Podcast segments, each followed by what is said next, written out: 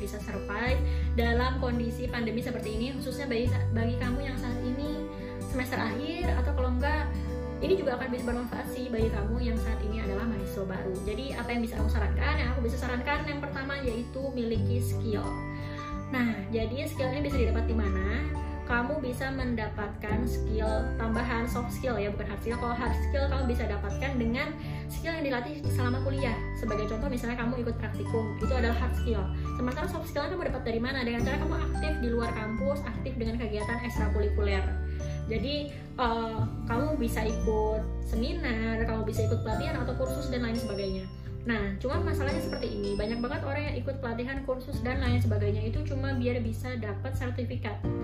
Dulu saya kuliah S1 maupun saat saya kuliah S2 saya selalu punya teman-teman dan ketemu dengan orang yang saat ikut seminar itu cuma buat ngumpulin sertifikat. Ketika seminar itu nggak ada sertifikatnya mereka nggak datang.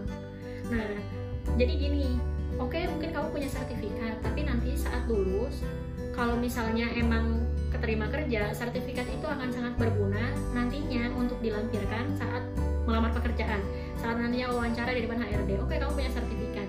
Tapi just in case ya dalam kondisi pandemi seperti ini uh, penyerapan tenaga kerja kan berkurang ya. Ketika kamu cuma punya sertifikat tapi tidak punya skill di balik sertifikat itu ya kamu nggak bisa survive. Jadi saranku adalah ketika kamu ikut seminar benar-benar ikut seminar gitu benar-benar kamu mempelajari sesuatu kamu niat mendapat sertifikat boleh. Tapi jangan cuma niat mendapat sertifikat aja tapi juga dapetin skillnya. Kenapa? Karena kalau bisa dapat sertifikat doang ternyata nggak punya skillnya. Itu lebih hard survive. Jadi aku tuh dulu lulus S1 2016 jangankan saat pandemi kayak gini ya dulu aja 2016 lulus S1 itu dapat pekerjaan sangat-sangat sulit apalagi sekarang gitu. Sederhananya gini misalnya kamu ngerasa uh, lulusan dari prodimu itu adalah prodi yang sangat jarang. Dulu aku 2016 prodi bioteknologi itu masih jarang ya di Indonesia. Tapi kenapa sih ngelamar kerja susah? Sederhananya adalah gini kamu satu kelas 40 orang.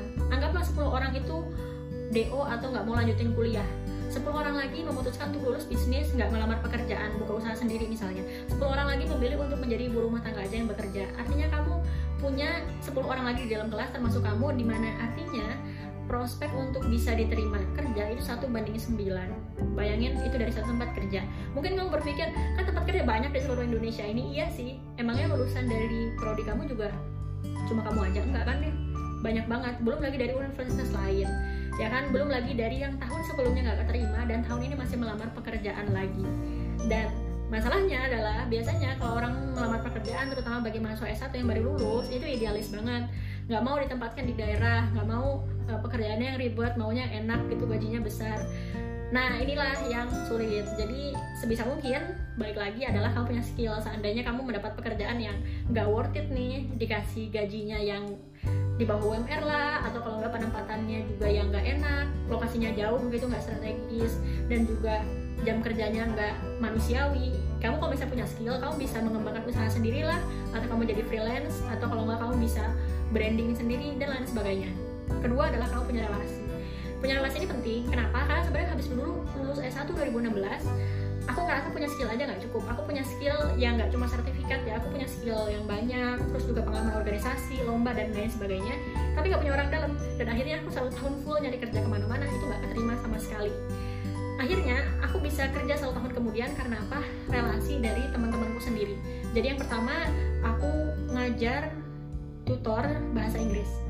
Aku punya skill bahasa Inggris tapi aku nggak punya relasi. Aku nggak kerja ke mana-mana nggak terima tapi akhirnya aku punya relasi temenku yang dia tahu oh aku itu punya skill bahasa Inggris dan emang butuh tutor untuk mengajar TOEFL akhirnya aku dapat pekerjaan yang pertama Kemudian yang kedua adalah aku ngajar biologi. Kenapa? Karena temanku ini yang satu dia sudah keterima kerja di sana dan sudah bekerja satu tahun. Kemudian di tahun kedua dia melanjutkan kuliah ke Belanda dan otomatis dia kan harus nyarikan pengganti.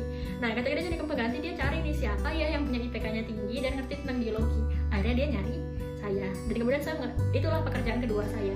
Kemudian yang ketiganya saya menjadi admin di Jurnal Teknologi Pertanian. Dan saat itu apa sih? Kok saya bisa mendapatkan pekerjaan di situ? Apakah saya melamar? Ternyata enggak saya nggak melamar kerja sama sekali. Saya punya teman admin dan admin itu sebenarnya tawarin pekerjaan. Tapi kan dia sudah punya pekerjaan utama itu jadi admin. Akhirnya dia mencari orang lain yang bisa menggantikan pekerjaannya sebagai admin sekaligus uh, yang teliti. Jadi yang kedua adalah kamu harus punya yaitu relasi sebenarnya kalau dapat relasi gimana sih kalau saat ini kamu mungkin bisa tuh cari teman-teman yang mungkin punya prospek punya relasi ya yang pertama terus yang kedua kamu juga bisa branding uh, personal brandingmu. Jadi misalnya kamu aktif di sosial media dan menunjukkan karakter dirimu apa. Aktif di sosial media bukan berarti cuma sering main sosial media aja ya, tapi kamu secara aktif menunjukkan brand diri kamu ini siapa. Kalau misalnya teman-teman bisa lihat Instagram saya, nah di situ teman-teman bisa lihat kan ketika masuk ke profil saya, teman-teman bisa lihat ini sebenarnya orang ini personal brand yang ditunjukkannya apa sih? Dia keahliannya apa sih? Nah teman-teman bisa memulai membuat personal branding dengan cara seperti itu. Itu aja dua saran yang bisa aku bisa aku saranin bagi mahasiswa yang saat ini lagi kuliah ataupun semester akhir ataupun saat ini fresh graduate. Gak ada kata terlambat buat mempelajari sesuatu. Kalau misalnya saat ini udah fresh graduate nih terus mau ikut seminar-seminar buat mahasiswa kan udah nggak bisa. Udah nggak bisa sih tapi saat ini banyak banget webinar dan itu online dan teman-teman bisa mengupdate skill di situ dan memperbanyak relasi di situ juga. Nah kalau misalnya memperbanyak relasi di mana aku ngerasa banget untuk memperbanyak relasi bisa lewat LinkedIn. Dan juga itu sih saat ini yang bisa dimanfaatkan karena kan kita lagi pandemi ya. Segitu aja terima kasih sudah menonton video ini sampai akhir. Jangan lupa klik subscribe dan turn on notification